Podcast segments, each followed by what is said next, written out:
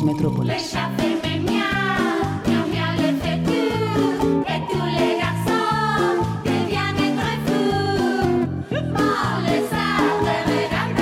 A banda deseñada na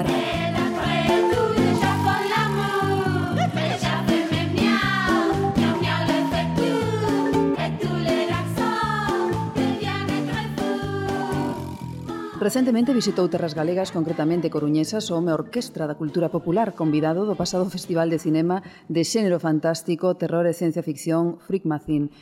Non lle deu medo botar unhas videoregueifas xunto a David Bizarro, ilustrarnos ca súa sapiencia na charla do papel a pantalla xunto a Manel Cráneo, Xurso Penalta ou Alberto Vázquez, nin por suposto exhibir a súa última longametraxe feita a pachas co debuxante Miguel Ángel Martín, titulada Neuro World. Estamos falando de Borja Crespo. Hola, Borja. Hola, que tal? Que tal? Que tal por Coruña? Muy bien. Que tal todas tratado, estas actividades? Me han tratado estupendamente y sobre todo, y lo más importante, es que las actividades las tres que tenía yo, se llenaron. ¿Sí? Lo cual es un lujo porque no siempre pasa, ¿no? Sobre todo últimamente el tema de charlas, mesas redondas, cuesta mucho llevar a la gente y es una gozada ver que, que hay gente que participa y que responde. Bueno, no en vano estás en el epicentro de la BD, del cómic en Galicia, que es Sí. Coruña, ¿no? Por otra parte, yo creo que a veces en una ciudad más pequeña eh, pueden funcionar mejor ciertas cosas, ¿no? Que una ciudad como Madrid y Barcelona que tiene tanta oferta que al final todo se desdibuja y, Sí, y se todo se, queda todo, fragmentado, se dispersa e incluso la gente directamente,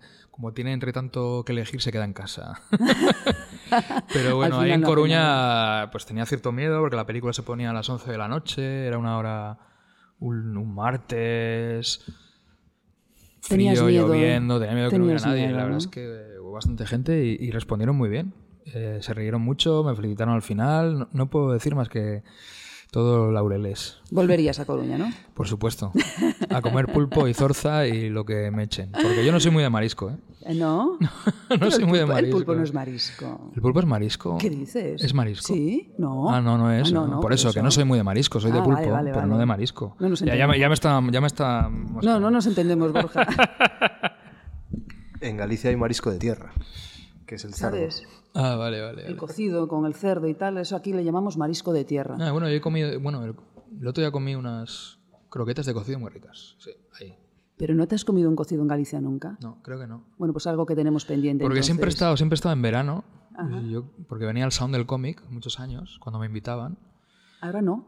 Ya no me invitan, no. Tampoco me acerco yo por mi cuenta, ¿eh? O ¿Pero qué sea, les has hecho? Nada, pues, pues igual es que no hago nada para que me inviten. No, no, no es su culpa, es mi culpa. El año que viene, el año que viene te invitamos nosotros.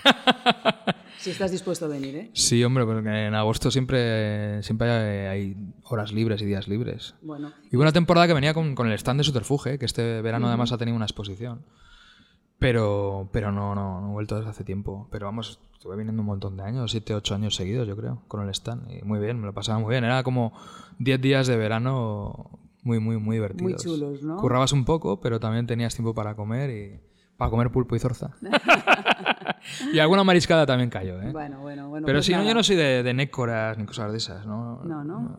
Fíjate que me gusta mucho Cronenberg, ¿eh? Pero abro la nécora y veo las huevas y eso y no... Y nada, ¿no? No me llama, no. no como de- soy bastante omnívoro, pero hay ciertas cosas que me, me las puedo comer, pero no me provoca la, la satisfacción que, que debería. Que debería, ¿no? Bueno, pues estás invitado a tomarte un cocido, un marisco de tierra. Pasa que un, co- un cocido, un cocido en verano igual es un poco hardcore, ¿no? Pero miedo no le tienes a nada. No, no. Entonces, Bueno, pero en, en- en febrero Sí. va a haber ahí una movida. comiquera, Comiquera- alrededor de un buen cocido. Además, Ah, sí. en el epicentro del cocido gallego, que es Lalín. Entonces, bueno, a lo mejor habrá que mandarte una invitación, a ver si estás dispuesto a Puede ser, aunque febrero es un mes muy loco, ¿eh? Que tengo, monto el tracking en Bilbao. Amigo, es que claro, haces tantas cosas que vamos a hablar Pero bueno, de eh, todas pero bueno el, el mes tiene 28 días. También. Y, y- y el entroido y el, eh, lo que es el carnaval y ese mes, bueno, pues tiene fechas así que se pueden. Y es mi cumpleaños, además. También, ¿eh?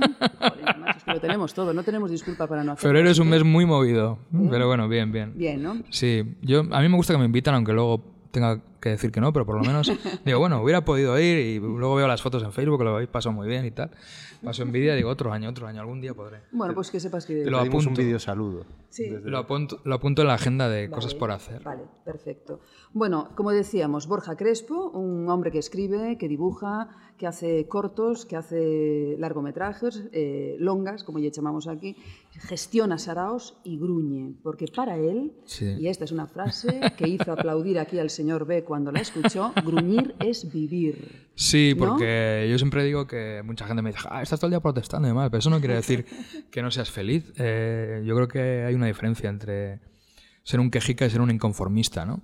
Lo suelo decir, hombre, a ver, esto no quiere decir que a veces no sea un quejica, pero yo no soy de, de quejarme de me duele esto, me duele tal, me duele cual, sino yo soy más de, de protestar o criticar o, o chinchar más que nada a a la gente que me rodea sobre ciertas cosas que, que creo que podían ser de otra manera, ¿no? Que, que en el fondo creemos todos. Bueno, te lleva sorpresas, ¿no? A veces crees que todo el mundo va a pensar como tú y no es así. Pero creo que estamos en un momento en el que la sinceridad es un, un bien en desuso y, y creo que es un problema, porque creo que hay ciertas cosas que hay que decirlas para intentar cambiarlas. Y me ha- he asumido ese papel, no sé si por mi carácter ególatra o, o por alguna otra razón o masoquista a ratos, pero me, me divierte me divierte chinchar, ¿no? El otro día, por ejemplo, en Facebook eh, comenté una cosa creyendo que precisamente las mujeres se, iban- se me iban a echar encima, ¿no? Porque comentaba que, que a mi alrededor pues ocurre que muchas chicas, eh, muchas mujeres dejan ciertas, acti- eh, ciertas actitudes, ciertas inquietudes creativas cuando se echan pareja y que eso no lo veía tanto en los hombres, ¿no? Y curiosamente me agradó porque los que se cabrearon fueron los tíos, ¿no? Con lo- sí, por lo menos en, mi- en los comentarios que hubo, unos cuantos y demás, los comentarios negativos, alguno incluso me borró, eran por parte de, de hombres, con lo cual mi teoría se cumple, ¿no? Evidentemente ocurre con los dos géneros, pero desgraciadamente es así y hay que para cambiar las cosas hay, hay que empezar por aceptarlas. Y por decirlas también, ¿no? Por ponerlas ahí, hacerlas visibles y luego la gente, bueno, pues que Luego también a veces que comen- reflexione. sí, comentas cosas y la gente se cree que lo que comentas lo piensas y no, no tiene por qué.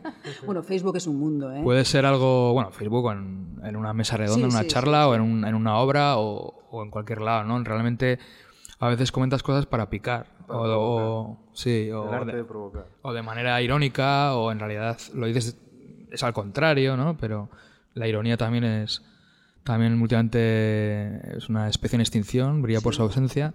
Sí, sí. Y, y luego también por otro lado, el que tú digas una cosa no quiere decir que, que pienses igual, ¿no? Siempre se suele comentar mucho un ejemplo últimamente, ¿no? Que Santiago Segura siempre dice que él hace torrente, pero él no es torrente, ni piensa como torrente, ¿no? Es un poco eso. Bueno, eh, llevas muchísimos años en la escena del cómic, la música y el cine. Y yo te he escuchado en alguna entrevista eh, y he leído cosas sobre ti. Y tú siempre dices, en los 90 pasaban como muchas más cosas de las que pasan ahora, ¿no? Bueno, yo creo que... ¿echas de menos aquella Yo creo época? que... A ver, echar de menos... eh, yo no soy de echar de menos nada, por suerte o por desgracia. Quizá a veces a mi familia, a algunos amigos, pero... Porque como me muevo mucho y viajo mucho, pues enseguida me adapto, ¿no? Soy una persona además que me gusta mucho la, la soledad. Siempre digo que soy un mesántropo afable, soy un mesántropo sociable, o sea, no me gusta el ser humano, pero adoro a la gente. Me gusta charlar con la gente, me encanta que aquí estéis entrevistándome. Entonces, pues bueno, eh, por ejemplo, eh, entrando en más materia, porque me has mencionado también relacionado con el cine y demás. Hombre, el cine, por ejemplo, yo considero que he pisado el felpudo de bienvenida, o sea, no he llegado a, a poder entrar, no porque no haya querido, sino porque quizá, quizá no, he, no he sabido todavía, no he podido o no me han dejado. He hecho cosas, pero he hecho más de 40 videoclips, pero he hecho trabajos en cine, en publicidad, en, en cine, pero como productor, he hecho cortos en 35, he hecho Neurowall, pero que en realidad es una peli muy pequeñita, he hecho cosas, he hecho muchas cosas. Mi filmografía es muy amplia, pero eh, no me conoce muchísima gente, ¿no? Y cuando salen reportajes en revistas sobre los talentos del futuro y demás, nunca me mencionan y yo voy cumpliendo años, pero bueno.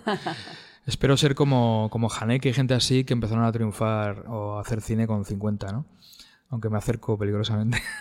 Pero bueno, en los 90 eh, sí, había muchas cosas. Lo que pasa es que yo creo que en mi caso viví cosas importantes en ese momento. Igual hay gente que está viviendo cosas importantes ahora que yo no las estoy viviendo. Gente joven, lo espero, me gustaría. Pero la sensación que tengo es que las cosas que ocurren ahora a mi alrededor, porque yo soy muy de, de- de observar, de estudiar, me gustan, eh, no sé si llamarlo sociología, antropología o, o simplemente friquismo. Me gusta estar enterado de casi todo lo que pasa. Evidentemente hay cosas que se te, se te escurren, ¿no? Pero, pero hay cosas que quizá no te gustan, pero sabes que existen, ¿no? Una inquietud ahí. Y sí veo que lo que se mueve eh, en, el, en el ámbito, digamos, más cercano a lo que en su día era lo independiente, lo underground, no lo veo con ese espíritu. Lo veo todo muy mainstream. Para no enrollarme, por ejemplo, eh, muchos blogs que han sustituido un poco a lo que son los fanzines de los 90, aunque se siguen haciendo fanzines, sobre todo en cómic, fanzines muy potentes, muy rompedores. Pienso que el cómic en ese sentido, precisamente porque tiene un público que es el que es, tiene absoluta libertad creativa y se hacen cosas muy interesantes, que igual solo llegan a 50 personas, pero da igual, está ahí y merece la pena que se haga y, tiene ahí su público fiel y minoritario, que estamos en un momento y una época en la que es muy importante cuidar al, al público minoritario, pues pienso que, que se dedican a, a difundir, a apoyar eh, propuestas que son muy comerciales, no tienen nada que ver. Por ejemplo, los blogs de cine, la gran mayoría, no todos, pero una gran mayoría, a diferencia de los fanzines de los 90, eh, emplean sus fuerzas en, el cine comercial que se estrena los fines de semana. La gente quiere ir a los pases de prensa gratis y cosas así. Hay excepciones, afortunadamente. No hay que generalizar, aunque generalizar es inevitable.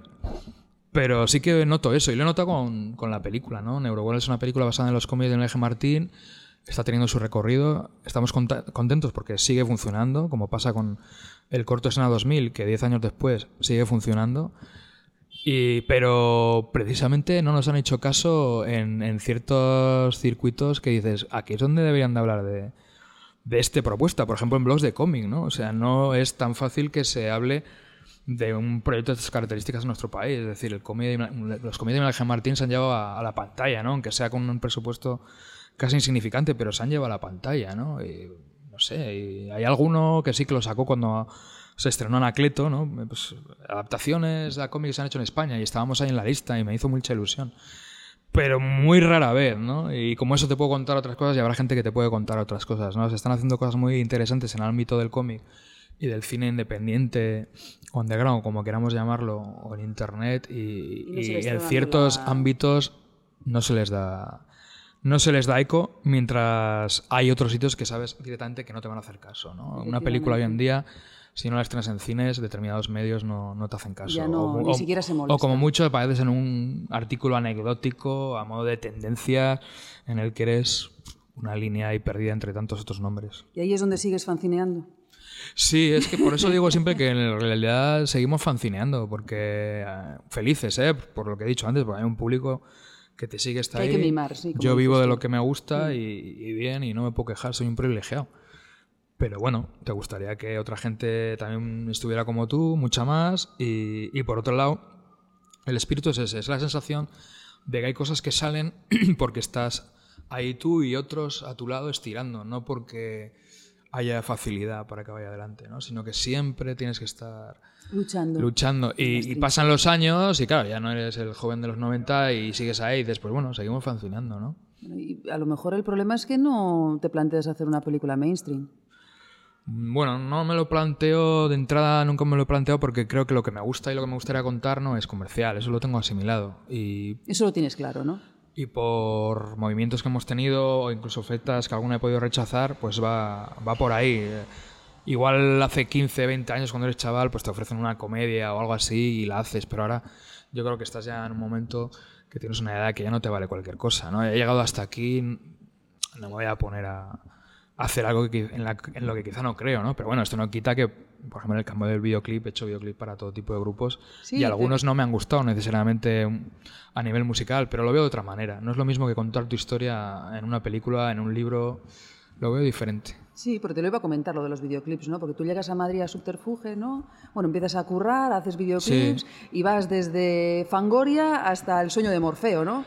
Sí, bueno, el Fangoria encantado de conocer Alaska. Para mí fue un puntazo porque por primera vez también estar ante alguien como Alaska, con la edad que teníamos, pues era algo muy especial y, y ver también realmente, por mucha teoría y, y práctica que hubieras tenido con la cámara en la facultad, que yo estudié Bellas Artes, o donde fuera, hasta que no se pone alguien delante de la cámara que ves que cambia completamente, que tiene una fotogenia, como es el caso de Alaska, que es un auténtico monstruo escénico, pues no te das cuenta de que hay muchas cosas que no se aprenden realmente más que viviéndolas, ¿no? Y luego, pues eso, surgieron encargos como, como del señor Morfeo, que lo afrontas como voy a rodar, voy a aprender. Y eso siempre está bien, ¿no? Intentas colar siempre cosas que te puedan gustar, eh, no es fácil que, que siempre cuele. Pero bueno, llevo unos años que realmente los videoclips que hago son todos grupos que de una u otra manera me gustan, como son Pantones. Y en ese sentido, pues no me veo. Me han ofrecido algún videoclip de algún grupo que no, no me interesa y, y no veo un presupuesto justo para que mi equipo pueda cobrar lo que merece y, y lo, lo he rechazado. Supe que era amigo colgó en el fotolog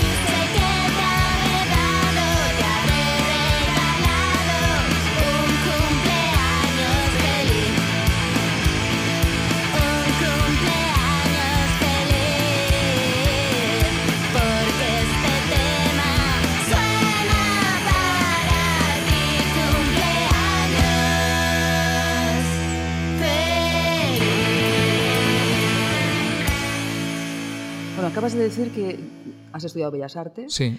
Hay algo que me choca mucho, ¿no? Sí que te he escuchado también a ti decir que el cómic en Bellas Artes es, es un- está denostado, ¿no? Bueno, lo estaba en mi facultad cuando yo llegué. No, Ahora yo ha lo- mejorado la cosa. Yo lo digo porque hace poco estuvimos hablando con los Bravú, que os también, contaban eh, lo mismo. también eh, han estudiado Bellas Artes y decían lo mismo. Y otro autor que ahora no mismo no me acuerdo, que también lo tuvimos delante del micrófono de las metrópoles, y decía, yo empecé a estudiar Bellas Artes y lo dejé porque Mm. el cómic no era tratado como tenía que tratarse. Entonces yo te quería preguntar, ¿qué coño pasa con, con Bellas Artes Bueno, y el yo cómic? la, la experiencia que puedo tener que es la mía en la Facultad de Bellas Artes de, de Lejona, de- del País Vasco.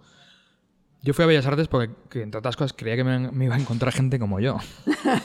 Pero no era así. La verdad es que mucha gente estaba ahí por accidente o porque pasaban por ahí porque tenían que pasar por algún lado. Había gente interesante, aunque eh, se dedicaban a otras cosas, pero que también em, valía la pena conocerles y ver otras sensibilidades. Pero sí que es cierto que en el ámbito del cómic hice muy pocas amistades relacionadas con el cómic en aquella época y en primero de carrera me di cuenta de que dibujar eh, con rasgos comiqueros era contraproducente. Entonces, claro, cuando yo empezaba a dibujar eh, y te viene un profesor y te dice, ah, eso es, eso es muy de cómic, la famosa frase es muy de cómic y te ponía una peor nota que alguien de al lado que veías que había hecho algo abstracto, Pues a mí me rompió esquemas, claro, porque para mí el cómic era muy importante. Yo estaba ahí por el cómic, ¿no? También quería hacer cine, pero lo más inmediato era el cómic. Porque la especialidad de audiovisuales no llegaba hasta tercero. Y aparte era una especialidad también vinculada a videoarte y a otras cosas, no solo al cine. Así que me encontré eso. ¿Qué pasó? Pues que llega un momento en el que, viendo lo que hay y viendo que las dos o tres personas que dibujábamos cómic en esa clase, pues nos mirábamos a la cara y decíamos, ¿qué cojones hacemos aquí?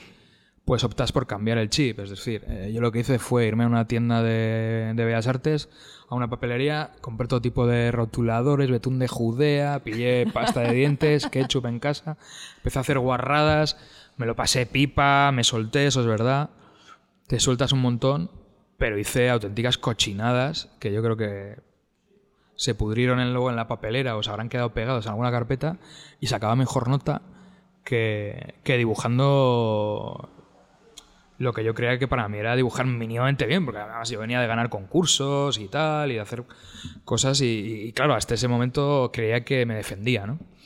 Y claro, para mí ese momento también el arte es como, joder, me encanta el arte, pero claro, esto hay que mirarlo con pinzas porque depende de quién te esté mirando y el ojo con el que te mire, lo que haces puede ser una mierda o una maravilla. Sí, efectivamente. Entonces me lo empecé a tomar más a pitorreo. Y ya en tercero... En segundo tuve una persona, que no me acuerdo ya en anatomía, que sí que apreciaba. Pasó al revés. De repente la gente... Es que depende de qué profesor te toque. Claro, Ahora, por es ejemplo, que- hay algunos que está Pilicueta en la Facultad de Bellas Artes que le interesa el cómic y que deja con mis alumnos. Sí que hay alguno que le interesa y se ve, pero es una cosa puntual, no es una cosa general en la carrera, ¿no? Ha mejorado la cosa porque el, el eh, después del todo el tema de la novela gráfica, etcétera, pues ahora está más apreciado en ciertos ámbitos, pero no deja de ser el, el pobre, ¿no? El pobre de, todo, de- del cine y de todo. Y para mí no lo era y no, y no lo es. Pero bueno, yo me empecé a hacer mis fanzines, feliz de la vida, y había gente que se reía de mí. Yo estoy aquí, ellos no sé dónde están. Algunos años después me han venido pidiendo trabajo y, y bueno, pues esa fue mi experiencia con el cómic en la facultad. Cuarto, quinto eh, de carrera, yo estaba ya directamente haciendo mis cosas, prácticamente no iba a clase. Me dedicaba a meter horas en la biblioteca porque en aquel entonces no había internet y si querías, pues yo qué sé, eh, conocer a Todd Browning, a un director que me interesaba mucho por aquella época por la película Freaks, La parada de los monstruos, pues toda la filmografía que, que pude ver de él fue gracias a la biblioteca, leer eh, artículos en internet, perdón, en internet, en, en revistas inglesas que estaban ahí, y libros de archivo. Y, y luego las películas te las cambiabas por correo, copiadas de VHS en inglés, en decimonovena generación, con drops. O sea, vamos, Sí, sí, sí. era así, entonces aproveché eso, ¿no? Y luego sí que tenía algún pro- profesor como Pachi Urquijo, que me gustaba mucho, al que le debo entender el cine más allá que lo puramente visual, ¿no? Porque de chaval hay cosas que no te das cuenta. Y desgraciadamente hay mucha gente que, no siendo chavales, todavía no se dan cuenta de que el cine puede ser algo más que unos meros planos hechos con una grúa o con un traveling. Y, y en ese sentido muy bien, pero claro, en esa época ya estaba con mis cortos, montando eventos, eh, pases de cortos, haciendo cosas que yo no sabía, y para mí era como mi, mi válvula de escape. Yo no tenía ni idea que en un futuro iba a ser la manera en la que iba a poder moverme e incluso ganarme la vida. Bueno, y hablando de fanzines, ha salido muchas veces la palabra fanzines en, en lo que llevamos de, de Para mí es la escuela. Es la escuela, ¿no? Para mí sí. ¿Tú serías Para lo que eres sin los fanzines? No, para mí los fanzines es muy importante. Muy importante. Por eso para mí es muy importante la figura de Manuel Valencia, del 2000 Maníacos, y de, y de Carlos Galán, de Subterfuge. Para... Lo tenemos por aquí, una revista de 2000 maníacos. El Decía que el señor B es Sí. la revista, es el 2000 maníacos. Es, es la revista, es la revista. Sí, además es- especial es, especial porno. Sí, Sí, vete al sí. infierno con nuestro especial X. Sí, sí. Sí, ¿qué número era este? El, el 18. El 18. Que bueno, que de aquella también, ¿no? Para conseguir un fanzine había que escribir, había que esperar a que sí, llegase sí. el Fíjate qué cartero. gran portada, ¿eh? Gran portada. Voy a leer los titulares. A ver. 84 páginas atiborradas de vicio y malos pensamientos. Eh, los sementales más potentes, las chicas más apabullantes, sadomaso canalla, tebeos marranos y descubrimos a la mejor felatriz de la historia. O sea, esto no te lo encuentras ahora en los blogs. Nah, esto es así. No, te cuentas va, otras no. cosas, ¿eh? Sí. Algunas igualmente interesantes, pero, pero esto ya se ha quedado viejuno, pero por otro lado, yo creo que de alguna manera también de vez en cuando hay que reivindicarlo. ¿no? Sobre todo ese espíritu de cinefagia como era el 2000 Manecos, para mí fue un descubrimiento porque ahí sí que descubrí lo que no, no encontré en la facultad, que fue que había otra gente como yo. O sea, no exactamente como yo, pero sí que les interesaba. Pues eso, que lo mismo te podía interesar una película de Todd Browning, como he mencionado, o de David Cronenberg, como la última de. Y aquí de- tenemos a Borja Crespo. Sí, ahí, estoy, ahí estoy recomendando algo, ¿no? Sí, sí, sí. recomendando a Tracy Lords. Deba- de- debajo de una foto de Tracy Lords. ¿Qué más en- se puede pedir? En una posición un tanto. Comprometida. Para mí era, era la manera un poco de, de ir a la contra. Eh, Yo, yo soy de Guecho, que Guecho es una es un municipio con varios pueblos, algunos de ellos de clase alta y otros de media y, y demás. Aunque yo, me, yo crecí en Aldapas, que era un poco el barrio donde pegaba el, jacu y demás, aunque yo no me enteré hasta más adelante, porque veías gente más mayor que cogían limones del suelo y tal, no sabías por qué. Eh, lo que era de las barreras del tren para abajo era un poco diferente a lo demás. Entonces, para, yo escuchaba mucho rock radical vasco, escuchaba mucho a Escorbuto y para mí de alguna manera me gustaba el cine, pero por otro lado también pues, el, el acercarme al cine de terror, a la troma, al cine basura, al porno, era una manera también de, supongo, de buscar una identidad punky light, entre comillas, porque, porque éramos light ahí, ¿no? En, en Guecho no se puede ser punky. Pero bueno, entonces encontré gente que le gustaban los cómics y a la vez el cine y la música eh, y, y de esa manera pues empecé a sacarte arte con un montón de gente, lo que ahora hace la gente a través de, de las redes sociales. Y, y ahí conocí gente que nos juntábamos en los festivales, tanto de cine como de música, la Semana de Terror, eh, Sitges, Benicassin, eh, empiezas a conocer gente y esa fue la manera en la que empecé a hacer más cosas y a publicar en 2000 Maníacos, que para mí el que Manolo me dijera que publicara fue, fue importante porque realmente yo no pensaba nunca que iba a poder vivir de escribir, por ejemplo. Y, de repente, pues un día con Manuel Valencia, al que le dibujaba cositas gores, pues le comenté que había estado en el rodaje de Acción Mutante, de figurante, y me dijo, oye, ¿no puedes escribir algo y tal? Ah, mira, pues, pues igual sí. Y entonces escribí pues mi, mi experiencia como figurante casposo en el rodaje, que no se me ve ni la espalda ahí parando. Pero bueno, y contando ahí pues en clave jocosa, los canapés que no se me han dado, luego dibujaba un croquis, porque todavía no se podía ver nada de la peli, pero dibujé un poco la, la. Era la escena, una de las escenas del principio, cuando va la furgoneta, recogen a Ramón Yarritu y lo llevan. Pues dibujé la furgoneta y tal, y bueno, pues le, le gustó mucho. Y a partir de ahí, pues de repente me dio también por escribir, aparte de dibujar, y salté al subterfuge, la comitiva, Quatermass, me empezaron a llamar de algunos sitios. De algunos y, sitios. Sí, y, muchos, sí. y bueno, y un día pues eso, escribí de repente, empecé a escribir en El Correo, que es el periódico de toda la vida que han leído mis padres y de ahí de Bilbao, y, y, claro, para mí eso era cuando realmente mis, mis padres dicen, coño, pues este chaval no tiene tantos pájaros en la cabeza, o los tiene, pero sabe, Pero saca sabe de utilizarlo. Vive de ello, sí, Sí, sí. sabe Sí, utilizarlo sí. y ahí sigo. Entre otras cosas, todas las semanas, que hay gente que no lo sabe, todas las semanas, sin faltar ni una en todo el año, publico en El Correo. Bueno, Y en otros cabeceras de Vocento, porque Sí, sí. esos artículos saltan a... Aquí es la, la voz de, de Galicia, La Voz puede de ser de Galicia. Vocento. No, ¿No? eso Aquí no debe ser. el correo gallego. No. No sé, bueno, es que tienen un montón, tienen como opi- la 13 opinión. o... La opinión, Puede ser, aquí tienen sí, como sí. 13 o 14 cabeceras y sé que algunas salen de repente por ahí. En el comercio, en el Diario Vasco, el tal y cual. Pero bueno, bien, y luego, bueno, pues también estuve en El Mundo y luego pues en revistas de todo tipo, ¿no? Rock de Luz, fotogramas, publiqué una cosa, una entrevista a Frank Miller, estuve en El Vanidad, Rolling estado- Stone. En Rolling Stone publiqué dibujos, curiosamente, en la primera época. Y bueno, pues un poco de todo. A veces también pruebo cosas, ves que tampoco te matan y has cumplido como el sueño y sigues por otro lado, también te digo, porque, por ejemplo, entrevisté a Fran Miller para fotogramas y tal, que fue una experiencia Sí, también muy a curiosa. Robert Crumb, ¿no? Sí, también, también. También, ¿no? He conocido a todos mis ídolos. Es decir, que, que aparte de vivir No de lo que nadie. quieres vivir, esto te ha aportado satisfacción. Yo no soy muy de ídolos, por ejemplo, yo me conformo con ver a Moebius ahí y no necesito tener que darle Y también la has mano, conocido a. Moebius, claro. No en persona, pero lo he tenido delante, como por te Dios. tengo a ti. Qué bien, ¿no? Pero a Moebius, a Cronenberg, a, a, a Cram, como has comentado. Y muy importante para mí, el, el creador de Super López, el dibujante de Super López, a Han. Han. Muy importante Han para Jan. mí. Sí, sí, sí. Y con ese sí me hizo una foto, ese sí me hizo mucha ilusión. Por cómo es él y por todo, ¿no? Le dimos un premio en Guecho y, ahí para mí fue, fue muy importante. Lo dicho, que esta profesión, además de poder vivir de lo que te gusta, te ha dado muchas satisfacciones a nivel, Sí, a nivel personal. Sí, sí, claro, claro. Bueno, no siempre danos- las disfrutas como quisieras porque Ya. muchas veces estás trabajando. Estás trabajando, pero bueno, Pero bueno, pero ahí está, ¿no? Y a veces dices, joder, ¿quién iba a pensar hace unos años que, que yo iba a estar aquí comiendo con esta persona, ¿no? Sí, señor, sí, señor. Bueno, pues danos una sa- satisfacción, hacemos una pausita y recomiendo, bueno, eh, pide un, un tema. Ya hemos escuchado que no te sabes ni los nombres de tus grupos preferidos ni de tus canciones. Bueno, algunas sí me sé. Ah, bueno. Vale, si no Algunas tarareas, eh, también No, vale. pero bueno, eh, últimamente estoy escuchando Yo A. Crepúsculo, Ujú. San Miguete, y ya que estoy muy serio en la entrevista y tal, eh, Es vamos verdad, a poner estás una... demasiado serio. Es que cuando me entrevistan a mí yo soy muy serio. Joder, no me digas. Pero no, no, Soy una persona no. seria. Estaba echando de menos tu risa. Ya, ya va saliendo. Sí, pues me gustaría escuchar La Fiesta del Baile, que es una canción muy, muy bailonga y muy divertida. bueno, pues venga, la fiesta del baile. Volvemos enseguida.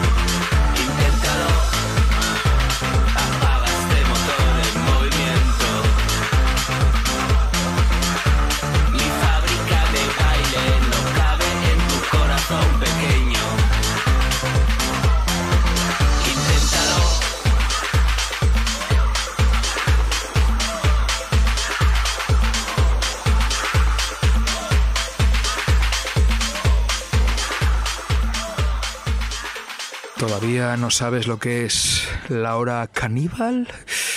Pues ya estás tardando. La Hora Caníbal puede escucharse en BFM, bfmradio.com, un programa excelso presentado por el inefable Borja Crespo, que soy yo.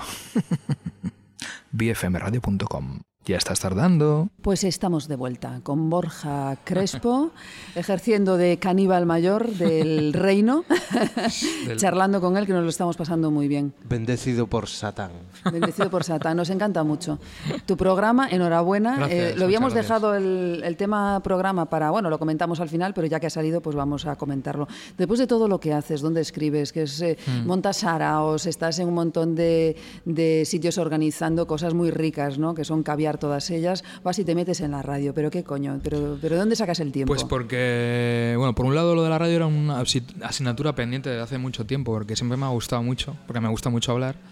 Y he hecho cosas puntualmente, pues, eh, programas de cine, eh, en emisoras, y algunos incluso programas eh, a nivel nacional y demás, intervenciones puntuales, y, y siempre me he quedado ahí con ganas de más, ¿no? Y, y como de repente se han puesto a moda el tema de los podcasts, pues un día lo puse en internet, ah, como que era mi asignatura pendiente, y de BFM me contactaron, me lo propusieron, y para mí era perfecto, porque no tengo que estar yo, yo lo grabo, lo mando y lo montan y lo cuelgan y se encargan de toda la parte técnica y de difundirlo y demás, con lo cual para mí es un chollo, sobre todo porque ya hay una audiencia que ellos tienen y llegas a una audiencia mayor a la que pudiera yo llegar eh, compartiéndolo en mi Twitter, va a entendernos, ¿no?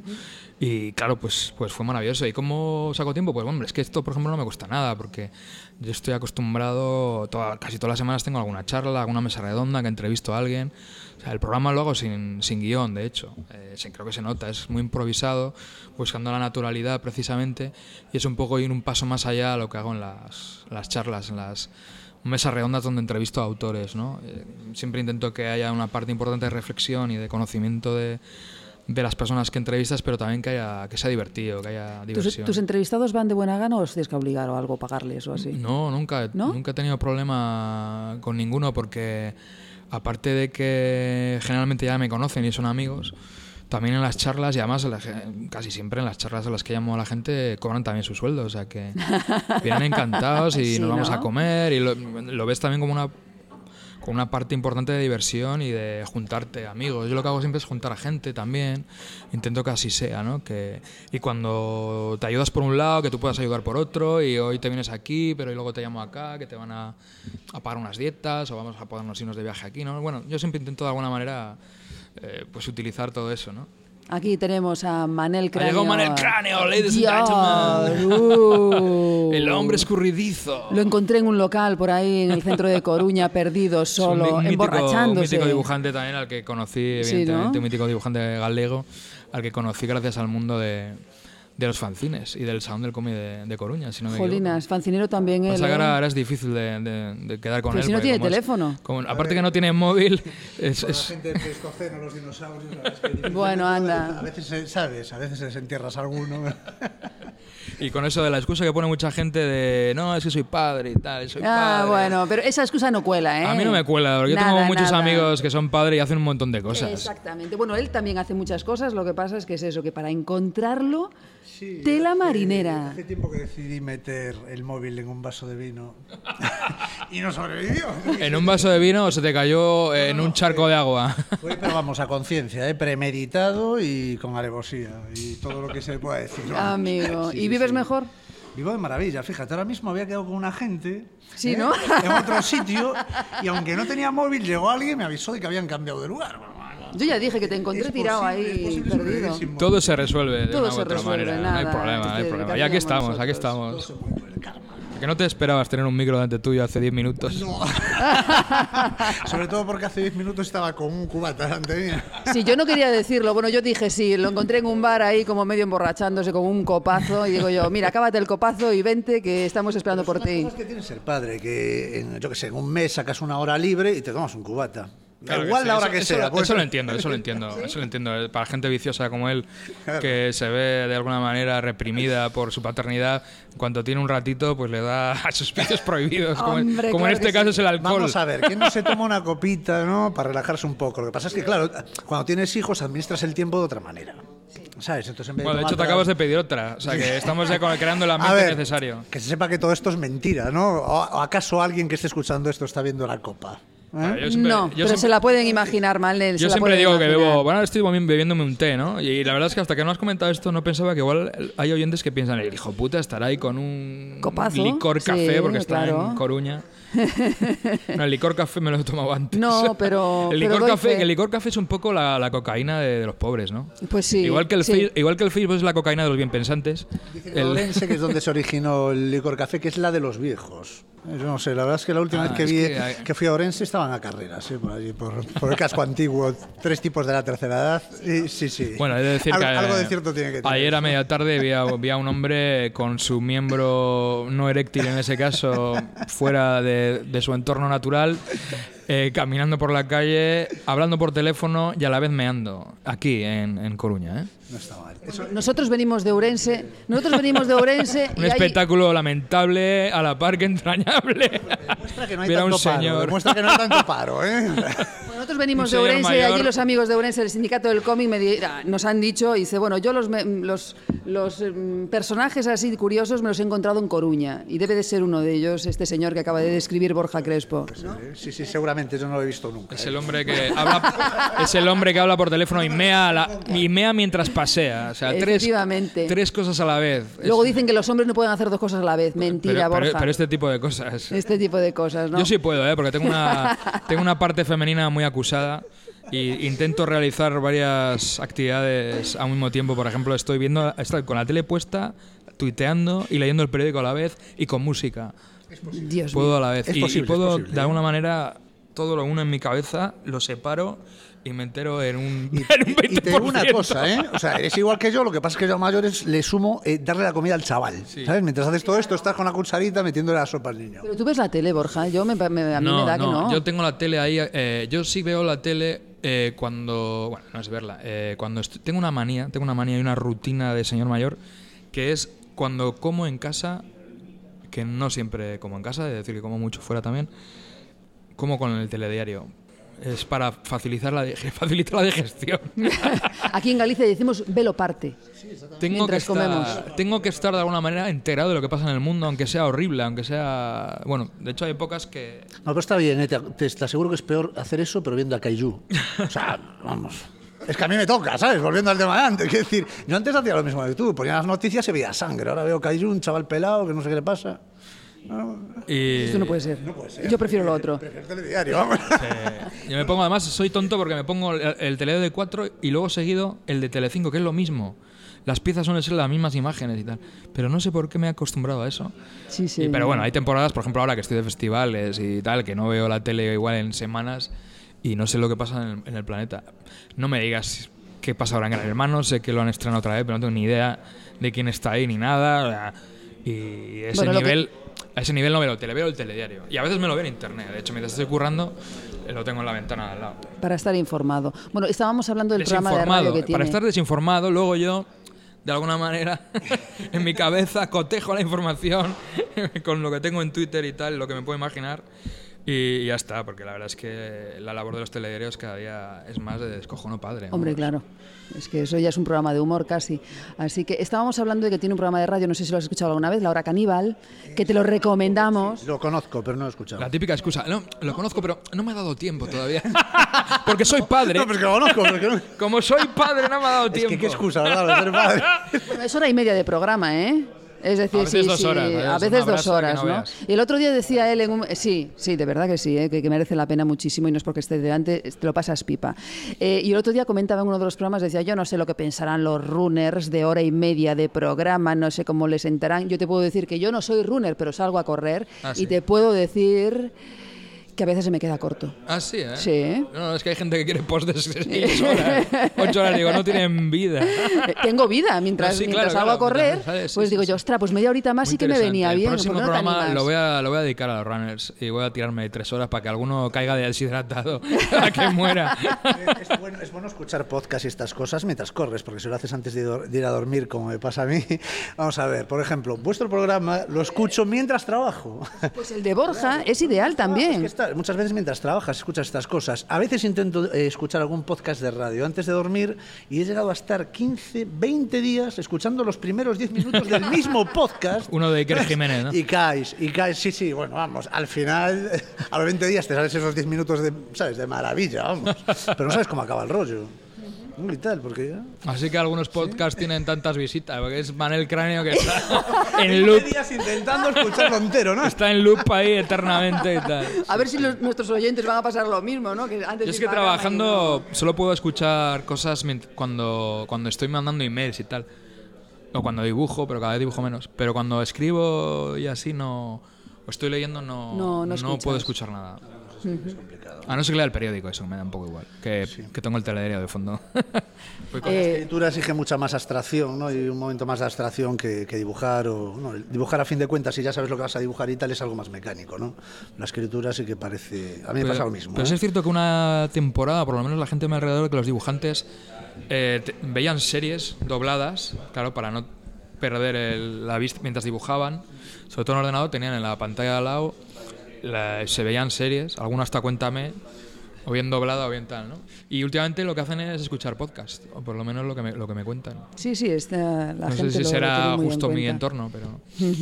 Bueno, vamos a seguir avanzando. Estábamos hablando también, de, bueno, estábamos hablando del programa de radio, que volvemos a insistir, lo recomendamos La Hora Caníbal, que os lo ¡Laura bajar. Caníbal! Oye, una cosa, el día que entrevistes a Rubín, por favor, Borja, Pues el entrevisto en dos semanas. eh, bueno, pues en dos semanas estaremos preparados. Aleja los micrófonos porque entre tu risa potente, que a mí me encanta, y la de Rubín, que también es bastante ¿Sabes potente, no nos vas a dejar sabes sordos. que no es la, la primera ni la última que me lo ha dicho? Que, que- que tienes la voz muy potente o que, o que te No, encanta eso- o eso que le me encanta. dicho- me lo ha dicho mucha gente y muchas mujeres. Tu risa, todo. sí. No, pero lo de, lo de si igual implosiona el mundo con la risa de Rubín en la mía en el mismo espacio-tiempo. ¿Verdad? Lo, lo veníamos pensando, digo yo. Bueno, Me Borja, cuando, cuando, personas, cuando sí. entrevista a Rubín, eso va a ser la hostia. Hombre, yo le he tenido en mesas redondas, ¿eh? sí que ha sido. Pero esta vez va a ser un mano a mano porque le entrevisto en la térmica a mediados de noviembre en Málaga y aprovecharé, me llevaré el equipo para, para grabarle, claro. Para grabarle, ¿no? Bueno, pues estaremos deseando escucharos a los dos ahí on Nos fire. echaremos ¿eh? unas risas porque además somos dos tocapelotas en las redes. Aunque él se centra No más en quería el. entrar en ese tema. Aunque él se centra ¿Eh? más en el tema de, de los cómics y tal, y a veces se le va un poco más la mano que, que a mí, creo yo. Pero, pero bueno, está bien, nos lo, nos lo pasamos bien. Y de hecho, no, lo he comentado, no sé si me vais a preguntar algo, igual ni lo sabéis. Saco un libro. Sí, tenía la Ah, pregunta vale. ya preparada, pero ¡Ah, dilo! ¿no? Da gusto venir a un sitio donde tienen todo preparado y con guion, no como yo. tío. Voy a sacar No, un que yo- libro. yo- ¿Sabes lo que pasa, Borja? Que yo no te conozco lo suficiente como para atreverme a hacer una entrevista sin guion. Ya, es decir, ya. cuando pasen dos o tres años y hayamos coincidido Yo dos o tres veces, ya me, ya me- como- a tumba abierta ya yo como voy. Iñaki Gabilondo. Años, ya. en, en Guecho ya le haces una entrevista. sin Claro, guion. Yo como Iñaki Gabilondo voy sin papeles ya, la mesa limpia, así a tumba miro a abierta. los ojos, como loco a ya la está, colina, ¿no? los silencios son amados. si no meto la risa, me invento algo, meto una canción y tiro para adelante. Pero vamos, sí, no, el- bueno, pues A ver, el libro, cuéntanos. David eh, colabora, hay varios dibujantes que colaboran en, en este libro, que es una recopilación de textos, la mayoría aparecidos en el Butano Popular y en la revista Cactus, remasterizados algunos, ampliados, recortados, y, y algunos están ilustrados por, por ilustradores y, y uno de ellos es David Rubin. Ajá. A Manel no le he dicho nada porque como está siempre ocupado con, con la niño. criatura, Porque es padre. es padre y tal. Yo, bueno, David Rubin también, pero parece ser Pero que bueno. es capaz de hacer dos cosas a la vez. Yo últimamente, por el camino. aunque estás a tiempo, ¿eh? tengo un hueco ahí.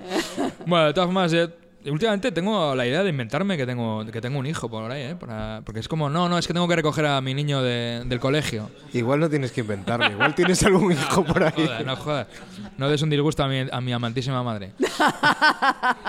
Bueno, no, pero es verdad que dices, joder, es que, oye, puedes atender tú a fulanito. Me ha llegado a pasar gente de comunicación y tal, en un sitio donde el que curra, que, que pas- te tienes que encargar tú del invitado y tal y cual, aunque no es tu trabajo, porque no, es que estoy recogiendo al hijo y tal. Digo, bueno, vale, me voy a inventar algo así, ¿no? Aunque sea un domingo por la tarde, me da igual.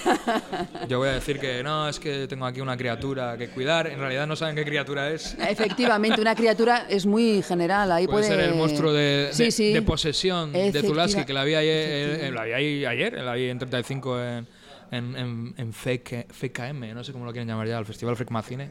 Sí, que sí. Fascinante, por cierto. Bueno, pues ahí esa recomendación también. Oye, ¿y cómo se va a titular el libro? ¿No lo puedes decir? Sí lo puedo decir y me ha costado muchísimo llegar a- al título. A ver, Se va a titular Usted no es una persona normal. ¿Qué os parece? bueno, así de entrada. Silencio, de ¡Ey! Silencio, se han Sí, quedado. Sí, esto, sí. esto, esto, esto Sí. quiere decir, están pensando. Con mucha educación, ¿eh? Porque, Porque podías traducirlo como otra cosa, ¿no? Bueno, por un lado, es, creo que es una. Aparte que es el, el- el titular de uno de los textos que están en el interior, me hacía gracia porque. Por un lado puedes interpretar como que el que no soy normal soy yo, o como el que no es normal son los demás, o todos, ¿no? Y es que no somos normales nadie, va por ahí un poco. Pues sí, la verdad, pues estaremos ahí esperando No a que salga el libro. podéis- estoy a tiempo de cambiarlo, ¿eh? si nos gusta. No, Podéis- podéis darme vuestras opiniones. Bueno, ya, pero como no sabemos tampoco. Yo tengo una sugerencia. Soy Dime. padre.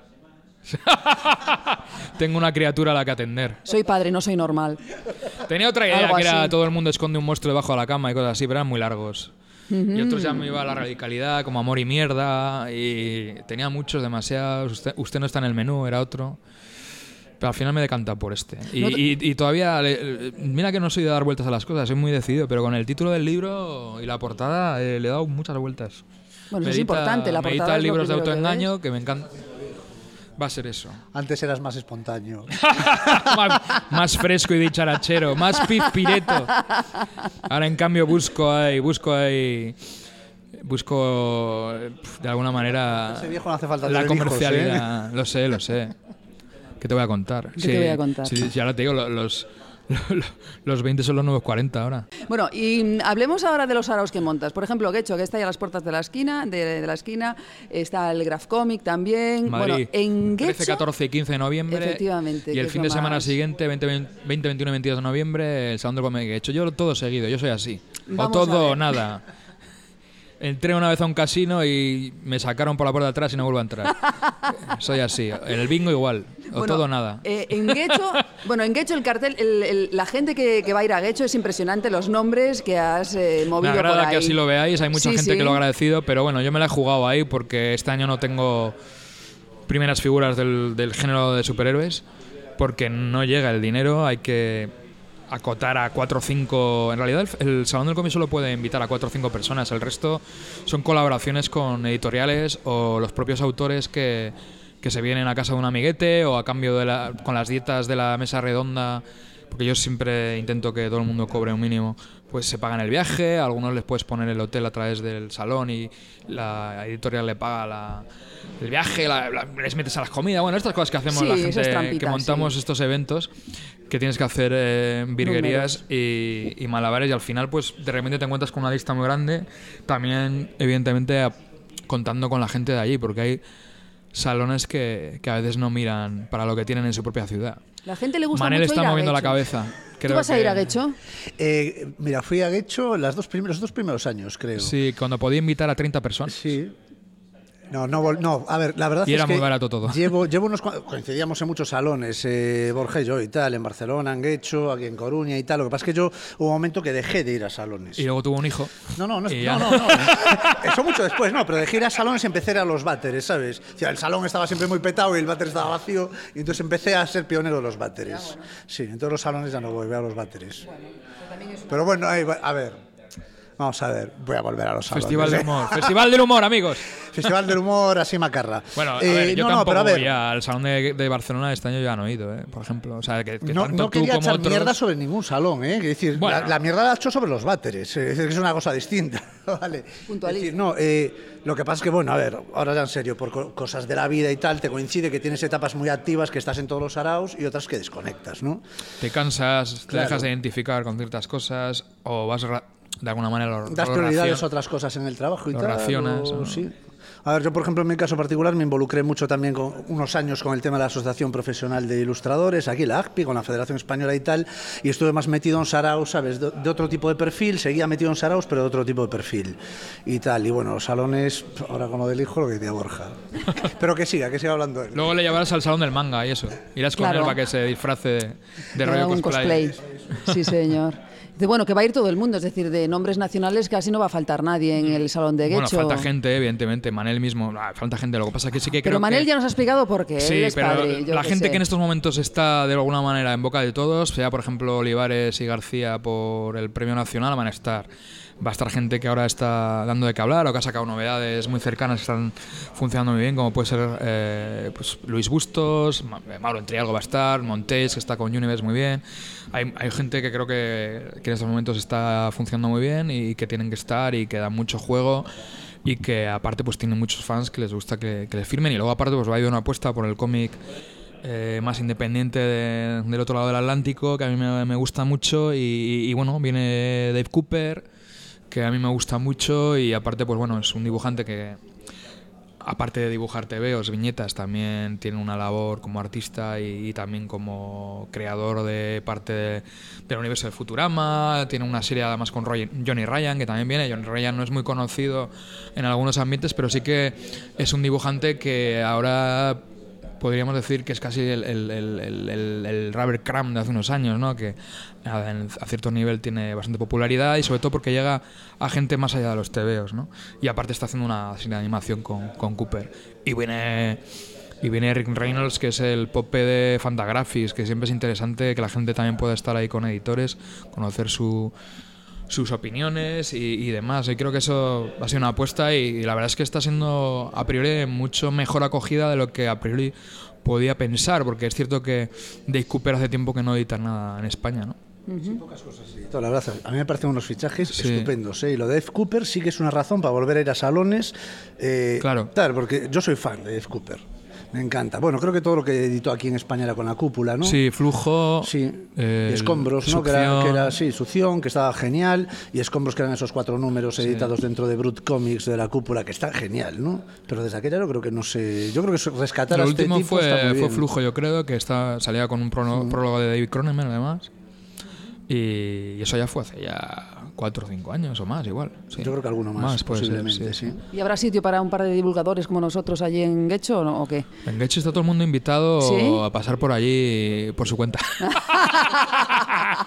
Podéis contar con acreditaciones, mucho sí, cariño ¿no? y, y- y Pues si ya- se- ya nos llega y eso. Bueno, de todas formas, si realmente os animáis ahí a algo. No, No, sé si estamos este- pensándolo, sí, en No sé si acercarnos este año o el, Getxo. o el que viene, pero creo que este año va a estar muy bien a nivel de público en general, porque por ejemplo el viernes, el primer día, vamos a hacer una fiesta del garabato en Bilbao.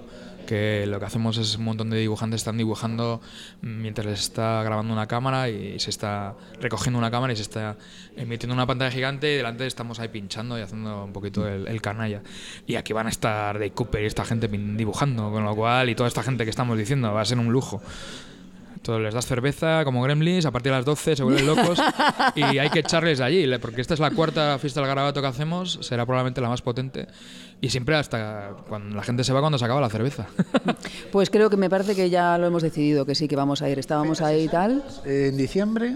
no, en noviembre 21, Ah, 22 y noviembre. 23. Antes era en diciembre. No sé si ya conocéis, creo que todavía no se ha, la programación está cerrada desde hace semanas, pero no se ha dado a, a la luz. Pero bueno, vamos, va a haber un montón de mesas redondas, encuentros con todos los autores que estamos mencionando y, y más sorpresas. Mm, pero, mm, ¿y el Graf? A ver, coméntame. El... El Graf es un evento muy pequeño, eh, autogestionado, muy fancinero, que nos inventamos para cubrir un hueco que creíamos que se quedaba eh, pues ahí en, en una ciudad como, como Barcelona y otra como Madrid.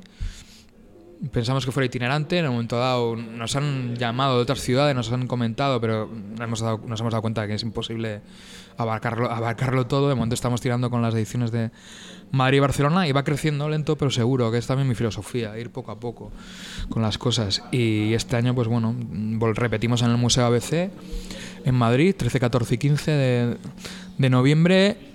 Va a haber muchísimos autores de ahí que están en Madrid. Tenemos, en estos momentos estamos teniendo que hacer mm, malabares para intentar que entre todo el mundo que ha solicitado stands.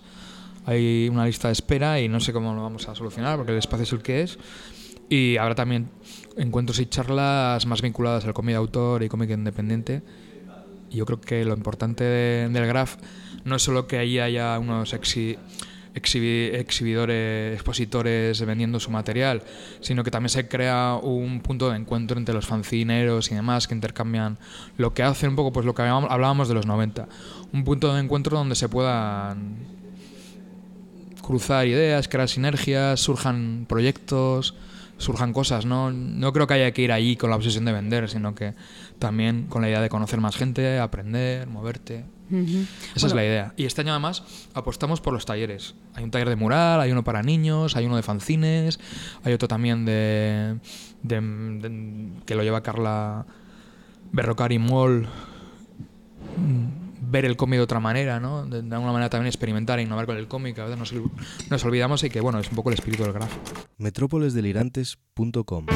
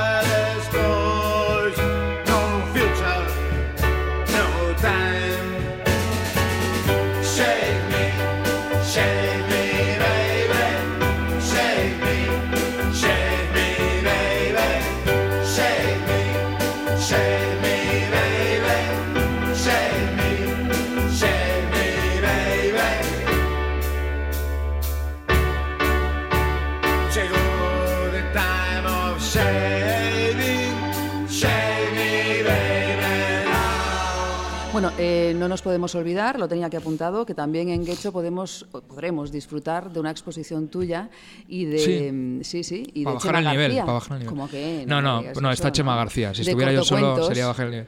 ¿no? Sí, la verdad es que nos llevaba un tiempo comentando y eh, me daba un poco de apuro, pero por otro lado, como se hace en el puente colgante, no es dentro del salón, y justo además sale a la venta en digital a través de Astiberri, pues creíamos que era el momento oportuno de, de poder exponerlo, porque además, cortocuentos, cuando lo hicimos no pensamos en, en quién nos lo iba a leer ni nada. Y nos hemos encontrado con que hay niños que se lo saben de memoria. Es curioso. Porque tampoco pensábamos en que el público fueran niños. Pero ahí hay un pequeño ejército de, de fans que, que supongo que los que puedan y estén en Bilbao lo disfrutarán. ¿Piensas que hay un, un hueco ahí para el- en cuanto al cómic de niños? No de niños de libro ilustrado, sino cómics para eso, para chavales de, de, de 6 años, 7 años, 8 Sí, años. Yo tengo un hecho- sobrino, no soy madre, pero tengo un sobrino que ahora me está pidiendo cómics. Y digo yo, ostras, pero, ¿y- pero ¿y qué les doy? ¿No? Aparte de los Ya. pitufos y aparte de estas cosas que, que tal. Del planeta Mincha. Claro, y del planeta Mincha. Son libros ilustrados. El cómic ya para, por ejemplo, niños de 5 o 6 años está complicado. Pero mira, aquí en Galicia tenemos una librería que controla mucho de esto, que la tenéis muy cerquita vosotros, en Santiago, que es cómic. Controlan mucho de lo poco que hay. Bueno, y hay, hay- hay- Pero hay poco, es lo que dices tú, pero hay poco. la colección Mamut, por ejemplo, está muy bien, Sí. ¿no? De Banja Ediciones. Hay y cosas están, muy chulas. Están haciendo cosas muy chulas. Lo que pasa sí que es cierto que a lo mejor los padres no saben lo que tienen que comprar. Eso te iba a decir. Es que el problema Claro, que los hay padres no van solo- mortadelo, ¿no? Me firmamos lo de siempre y no saben. Es como todo, es como, como el ir al cine. El problema del- del- de, de que la gente vaya más o menos al cine no es únicamente que pueda resultar caro para, para la gente, sino que se pierde el ritual. Eh, Si a tu padre o tus padres no, no te llevan de chaval o tus abuelos, o no te compran tebeos, no te ayudan a leerlos, no te explican cómo leerlos, pues es que nunca vas a tener... Igual luego decides que no te va, pero tampoco vas a tener la oportunidad de valorarlo. Tú dices mucho en el programa que la gente no sabe leer TVOs. No, no la gente en general, que hay mucha gente. Bueno, hay, hay gente, hay bastante gente. Yo siempre tiendo a generalizar, porque es la única manera de entrar a trapo en los temas. Pues es que, joder, ¿por qué generalizas? Es que si no generalizo, o sea, es que sin querer, es que no, no, no puedes hablar de nada, porque es que no. Que, no- que unas personas no saben leer. No. Para que el argumento sea más contundente, siempre hay que decir mucha gente. Entonces ya te saltan. Ya... Sí, porque la gente, La sea, parte, la gente sea más por aludida y es cuando hay un diálogo y un debate, que es lo que a mí me interesa, ¿no? El- También puedes, de- puedes decir mucha gente o una minoría silenciosa, que eso Es también... que tampoco es una minoría, ese es el tema del- sobre lo que hablamos. Creo que hay mucha gente que no sabe leer un TVO y no lo achaco a que sean tontos, sino que nunca han aprendido o no se han puesto a ello, como no sabrán hacer otras cosas, o como yo no sé hacer otras cosas. Pero creo que es diferente el saber o no hacer un cocido gallego de los que me vais a invitar aquí a leer un TVO. Y es que hay gente que no sabe lo que es una elipsis, no sabe controlarla. eh, los eh, globos, lo que dicen los, los personajes, no puedes leerlo tal cual. O sea, tienes que interpretarlo en tu cabeza, tienes que rellenar los silencios, tienes que interpretar muchas cosas que si puedes leer un TV así, no, no, es que no me dice nada. Digo, ya, tío, pues que, pues claro, es. Supongo que al que le gusta los toros verá cosas que yo no veo también, ¿no? Pero bueno, creo que se puede vivir mejor sin que te gusten los toros a que si- sin que te gusten los tebeos. Efectivamente, eso es una buena, es una buena frase, una buena reflexión.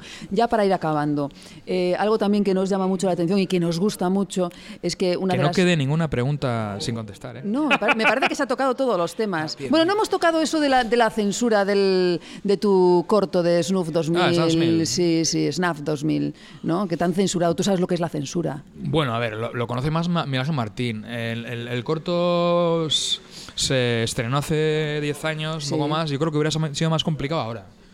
El- en su día había festivales que evidentemente no nos cogían. Sí que tuvimos eh, una anécdota curiosa, como por ejemplo nos cogieron en un festival de cine fantástico de Bruselas que me hizo mucha ilusión. Nos llegó la carta, todo guay, porque aquel entonces eran cartas. Y de repente de repente, al de un- un- unas semanas, nos llega una carta, igualmente certificada, diciéndonos que finalmente no lo podían poner. Y, te choca, ¿no? Y luego, pues, momentos curiosos como eh, que después de ponerlo, por ejemplo, en el Festival de Benicassin, donde se supone que estaban todos los modernos, fue una de las veces que más insultos recibimos en el, en el email del, del blog del, del, corto, ¿no? "Vaya, Menuda mierda, menudo tal, que dices, joder, es, que la- cuando también, igual que en la facultad acepté que a la gente el cómic le parecía una chorrada y no un signo de, de, libertad creativa y de modernidad, como nos podía sin- significar a otros, pues te das cuenta de que los modernos o los que van de modernos son muchas veces los más conservadores de todos, ¿no?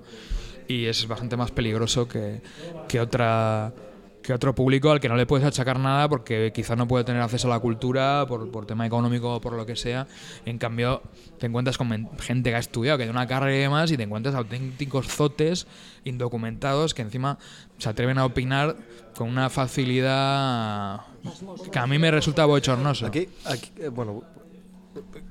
No, no, solo quería decir que a mí me encantó y me parece un ejemplo de cómo eh, alguien puede respetar a tope lo que ha hecho Borja con este corto, con el trabajo del cómic de Miguel Ángel Martín, ¿no? Es decir, la estética, todo, o sea, pasar algo de, dibujo a trabajar con actores y mantener esa esencia, la estética, la paleta de color, todo, es que estás viendo un cómic vivo, joder, yo creo que solo por eso ya, es decir, siempre hay gente que va a tocar las pelotas, eso está claro, ¿no? Entonces, a mí me parece uno de los ejemplos de los que debería de hablarse siempre, ¿no? De cómo puedes coger un cómic y adaptarlo. Hablamos el otro día en la mesa redonda sobre estas cosas, ¿no? De- Sí, además lo, hicimos antes que Sin City. Sí. Luego llegó Sin City y todo el mundo hablando de Sin City. Y digo, bueno, no es por tirarnos flores, pero. Sí, sí, sí, fue mucho antes lo vuestro, claro. Yo no sé de tirarme flores, pero sí que es cierto que con el SNA 2000 tengo. El corto es probablemente uno de los trabajos que más satisfecho estoy.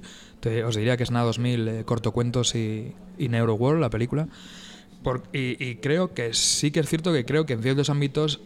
Aunque, aunque el tiempo sigue ahí y es un corto que lo ves ahora y creo que se mantiene fresco y Sí, moderno, perfectamente. no como otros que, pues, desgraciadamente, como ocurre con muchas obras maestras, que no quiero decir que, lo- esto lo sea, pero te quiero decir que hay cosas que con el paso del tiempo no, no lo, No lo aguantan, no, lo no, no, aguantan, pues en la 2000 sigue ahí, ¿no? Y siendo Sí, algo sí. y tal, y, y dices, joder, eh, eh, esto lo que os decíamos antes, ¿no? De- hemos comentado de que los fanzines en su día comentábamos cosas muy en el filo, en las trincheras de- del arte, por decirlo de una manera, y ahora los blogs y demás, la mayoría no hablan de estas cosas y son las que se deberían de reivindicar.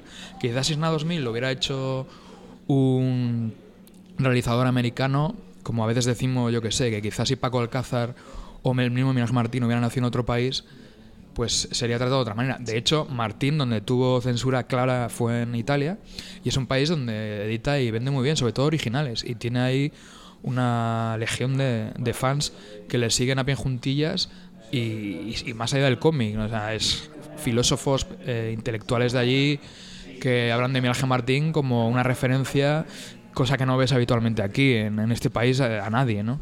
De- cuando se habla cuando se habla de umbral aquí es para contar la anécdota de que he venido a hablar de mi libro y cosas así o sea desgraciadamente así somos no y creo que cada vez que se habla de, de una adaptación de, de cómic al cine en este país pues de alguna manera les tenía que venir Esna dormir a la cabeza. Pasa que muchos ni lo habrán ni lo habrán visto ni lo habrán ni se habrán interesado por él pero ahí está en YouTube. O sea, Pues ahí está, acumulando visionados y, y bueno, es lo que es. Cuando lo hicimos, igual que a la hora de Homenaje a Martín, sabíamos que, que había gente que le iba a gustar y gente que no. Y la indiferencia es, es- para mí es un Claro, es que- cáncer. Es que, si te gusta la, la obra de Miguel Martín como lector, ves el corto y Mm. no dices, está mejor el libro. No, dices, no, es que está cojonudo porque es fiel a lo que tiene que ser. Yo creo que muchas veces en el audiovisual, en muchas adaptaciones de cómic, lo que pasa es que llega un productor, un realizador y quiere crear lo que ya está creado. Entonces se olvidan de la esencia e incluso pues empiezan a meter personajes que en, que en el libro no están, porque ellos creen que van a enriquecer la historia, tal, y al final lo que hacen es transformar, no adaptar. ¿no? Entonces Sí. yo creo que lo que tienes que hacer es adaptar, no bueno, transformar. Miguel Ángel está muy contento. Además, eso para mí es muy importante, aunque yo siempre le consulto todo lo que he podido. Y él dice que su humor se entiende mejor en imagen real. Y luego, pues eso, tenemos fans en Japón, ahora nos han escrito para la película de México, que no, no tenemos tiempo para moverla mucho. O sea, va a pasar un poco como, está pasando como el corto, que 10 años después se sigue proyectando en, sitios por ahí, nos siguen entrevistando por él. De hecho, Vidas de Papel va a sacar unas serigrafías con el storyboard. Y yo creo que con la peliculita estaba o está pasando parecido, ¿no? Tiene ya año y pico y nos siguen llamando de, de sitios y sigue estando ahí, ¿no? Quizá nos adelantamos metiendo un tema como el de los youtubers, cuando todavía no estaba de moda en España. Y quizá a veces pues ser, ser un visionario es una putada. Pero... no, bromas aparte. Sí que igual es que ya chocheamos un poco, pero sí que mm, de la experiencia positiva que me llevo en general de, de, de SNA 2000 y de Wall, sí que me quedo con un pozo amargo porque creo que es un esfuerzo a muchos niveles, sobre todo artístico, que no se ha valorado en los círculos que precisamente crees que se iba a valorar. Y no porque se haya rechazado o haya habido una crítica negativa, no, es que no, lo comentan, ¿no? Claro. Entonces no sabes si es porque no les gusta o porque les gusta demasiado desidia, o por desidia. o por envidia o por desidia, o porque simplemente pues lo que hemos dicho hace un rato que se interesan por lo comercial, por la gente quiere ir a ver pues la próxima de los Juegos del Hambre que, que yo la voy a ver porque a mí me interesa por decir algo que no sea lo típico de 50 sombras de Grey, pero es así. Dices, ¿por qué este blog de cine habla de 50 sombras de Grey? Cuando de 50 sombras de Grey habla todo el mundo, la tele, todo, ¿no? Lo decía hace poco en un texto que publicaba, todo el mundo compartiendo el trailer de Star Wars, que está muy bien Star Wars y tal, pero, o sea, Disney no necesita que estés compartiendo todos el puñetero trailer de Star Wars cuando hay un colega tuyo que ha hecho un corto o algo y, y no le ayudas, tío, no le cierto, compartes. es O sea, hay un problema también de decir hasta qué punto no valoramos lo que tenemos al lado y estamos metidos realmente en una rueda consumista extrema, ¿no? Hasta el punto de, de protestar por tonterías, gruñir, pero Pero sin sentido, a lo desde loco, como nuestro, iPhone, desde aquí, nuestro sí. iPhone o desde nuestro portátil. eh, lloramos por los negritos, pero luego estamos haciendo cola, col- cola en el Primark, según lo han abierto e inaugurado, para comprar ropa a un euro que sabes que evidentemente no se ha podido hacer en un país que tenga los derechos humanos eh, como tienen que estar, al día, ¿no? Como dice el otro. Bueno, hablando de youtubers, tenía una pregunta, a ver si no quiero que se me escape. Eh, están publicando, por ejemplo, el Rubius. Yo voy a ir ya. Sí. ¿Qué opinión te merece este tipo de gente No, que mí- se mete a hacer cómics? ¿Aportan algo positivo Bueno, o a mí que no hayan al mundo llamado, del que hayan llamado al Torres para echar un, una mano en el guion me parece positivo porque han pensado en una persona directamente ligada al cómic, lo cual es de agradecer.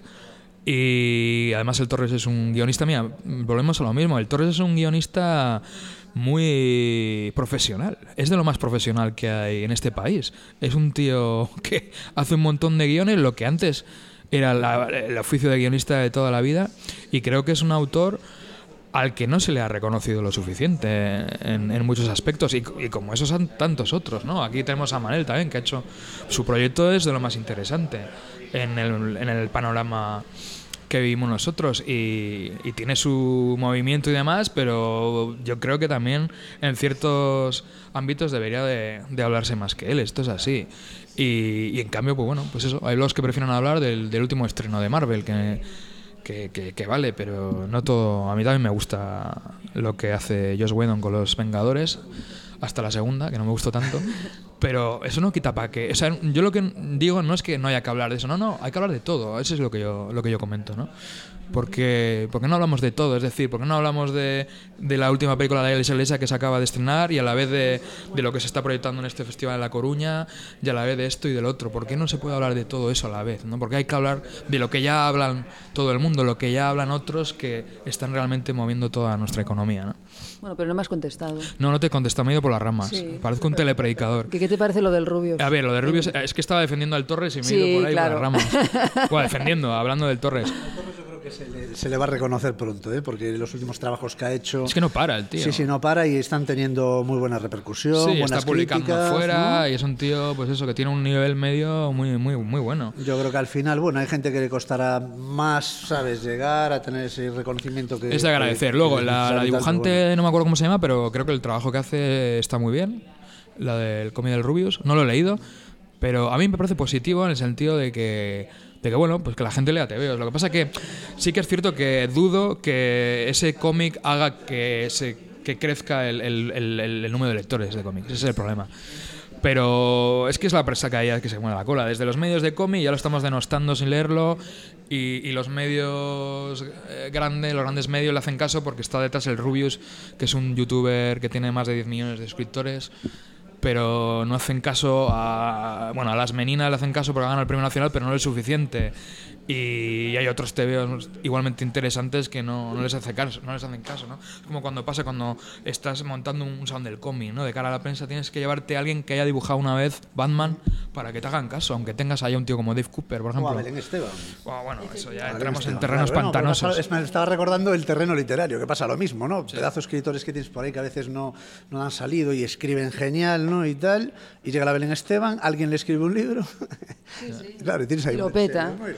Y, y lo- claro, y lo que no se puede pretender es que leyendo a, a Belén Esteban acabes leyendo a Schopenhauer, ¿no? Entonces, es lo- Bueno, pero yo considero que esa gente tampoco es lectora, o sea, no sé. que Igual que la gente- gente que leerá el Rubius, tampoco los chavales tampoco son lectores habituales. de No, hay nada. mucha gente que comprará ese libro y dirá, yo tengo el de Belén Esteban, solo pa- para cuando esté en la cafetería con las amigas, decirle que ella también lo tiene y tal, aunque no lo haya leído, ¿sabes? Sí, es que muchos libros se regalan, ¿no? Supongo un resumen que en cualquier lado y ya está. este tipo de libros también funcionan por eso, porque se regalan. Bueno, Pero bueno, también he de decir que para mí el Rubius es el ciudadano Ken de los youtubers. Dentro de lo que cabe, ¿no? Hay youtubers muy interesantes que hacen eh, videotutoriales, historias de muy curradas de enseñanza, de didáctica y demás que me parecen brutales. Y luego hay youtubers de estos que llamo yo de enter- entertainers. Y dentro de lo que cabe, de los que conozco yo, que me trago bastantes por motivos de trabajo, Creo, el Rubius me parece que lo que hace lo hace bien, es un tío divertido, se curra los vídeos, hace cositas.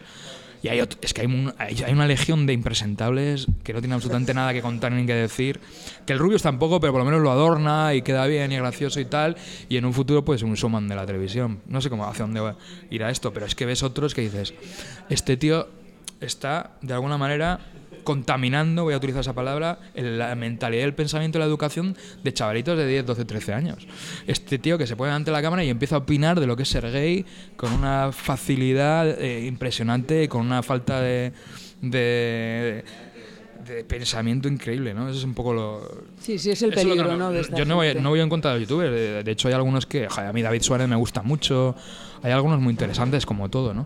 Lo que pasa es que sí que hay una caterva que dices, hostia, estos son los que están de alguna manera adoctrinando a la chavalada que viene por detrás. Eh, Me gustaría saber hacia dónde eh, irá todo esto, ¿no?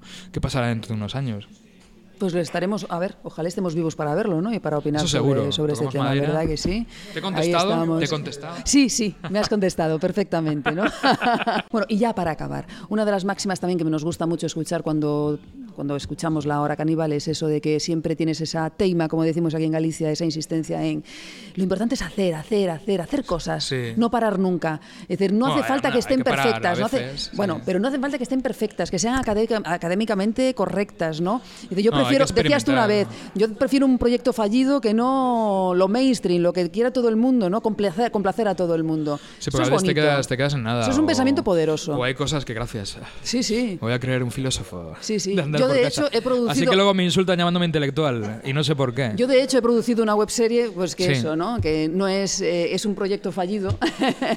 Porque no ha Y- funcionado en redes o... Pues es lo que dices tú un poco, ¿no? No, estaba de puta madre. Eh, Ya la verás, te voy a... Ah, sí, no, sí, sí. No, pues pasa un poco lo que dices tú, ¿no? Dice, nos centramos más en lo que hace todo el mundo, lo que, bueno, lo que Al final no llegas a encaja, nadie. O igual ¿no? funcionas a nivel de, por ejemplo, una película. Pues hay películas, pues hay mucho en el cine americano, que llegas al público, tal, pero, pero no son pelis que luego pasan a la historia. Igual hacen taquilla, pero según sales por la puerta se te olvidan, ¿no?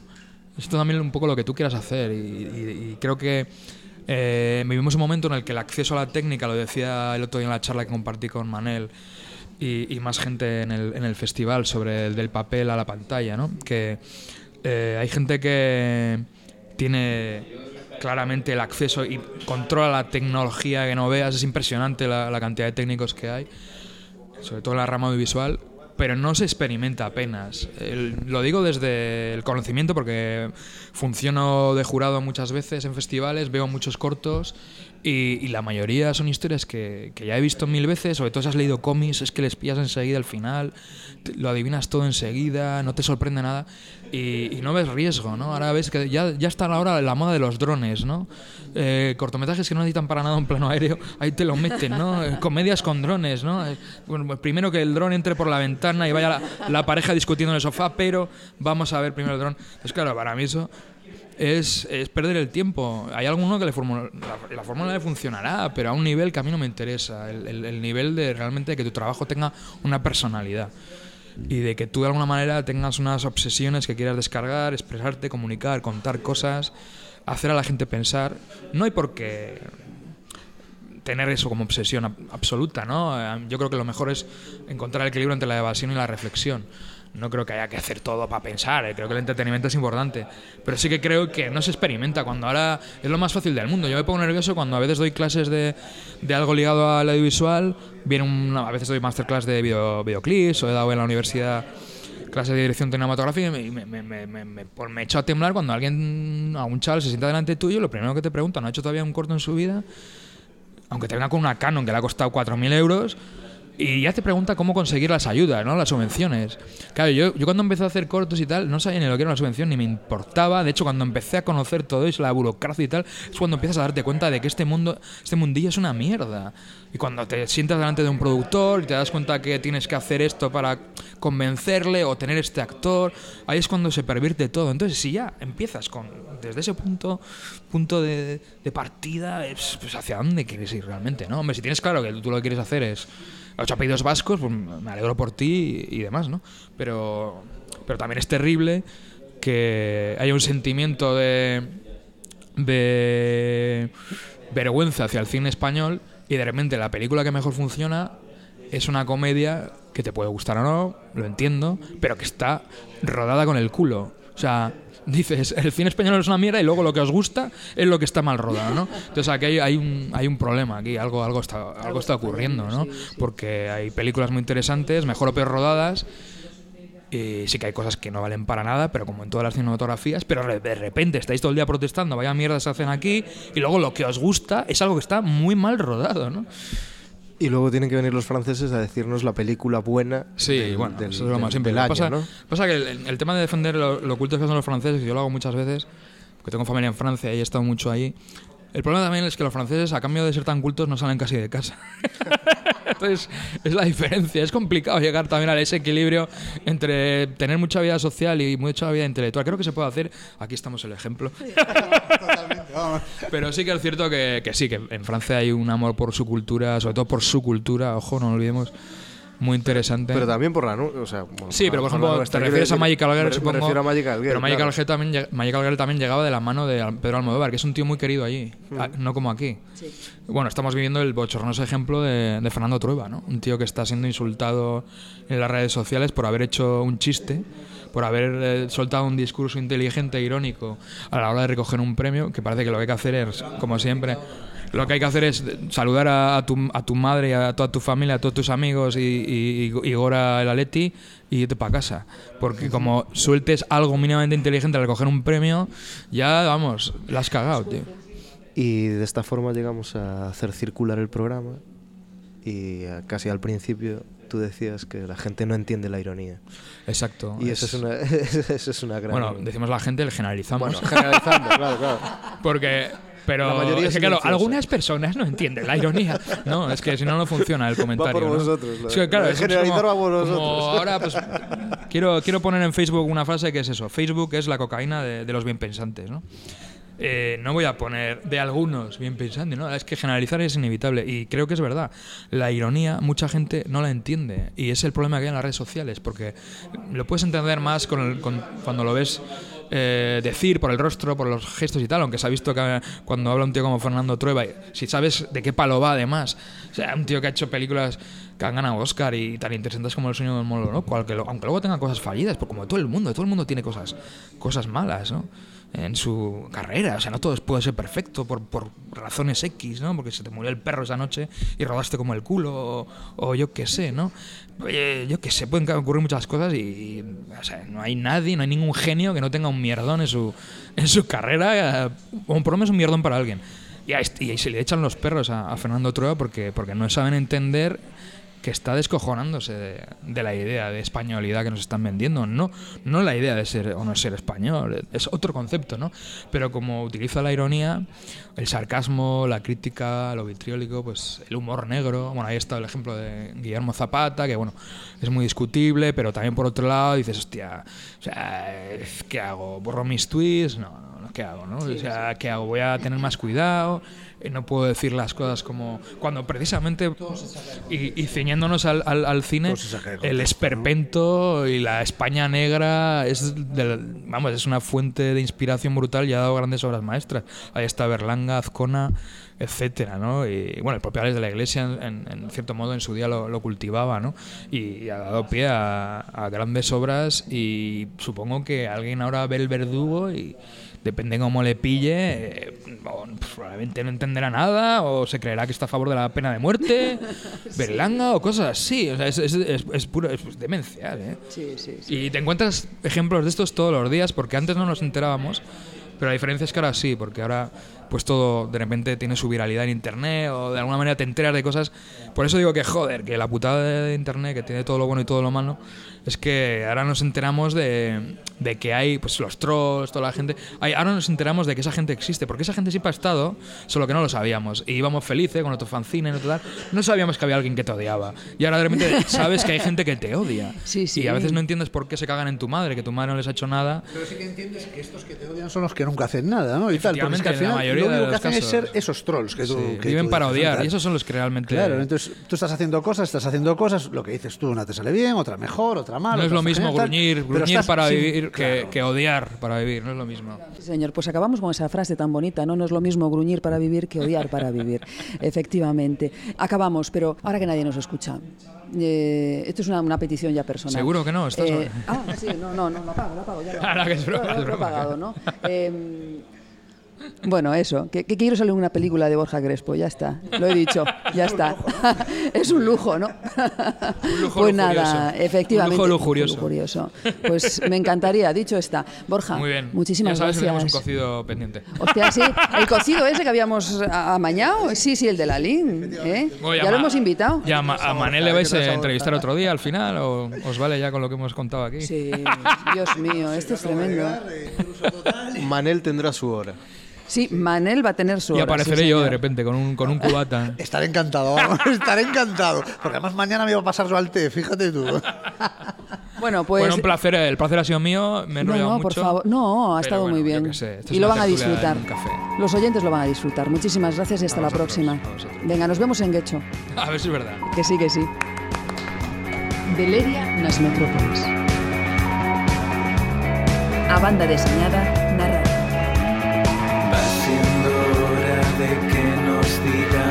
las cosas, de no confundir los gusanos con las mariposas.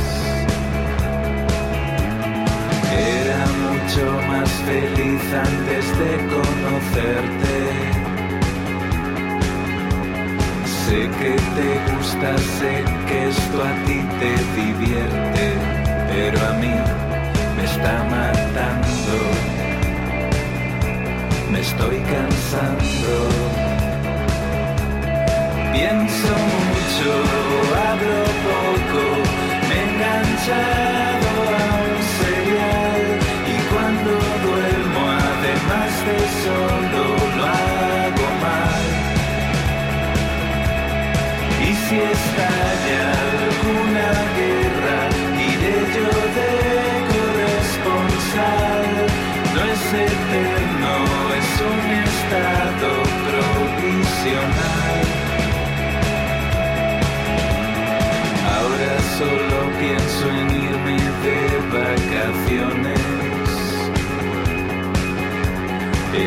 olvidándote en diferentes sesiones.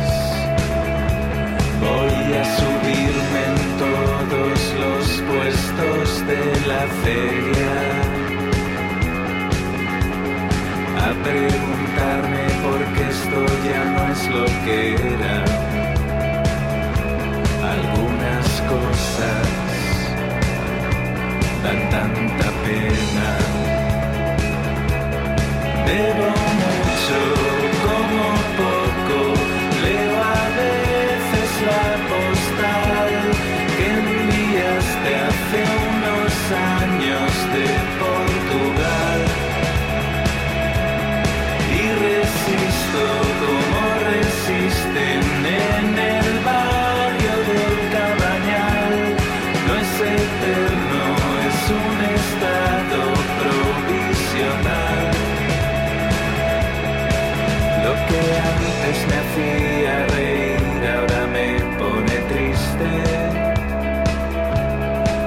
que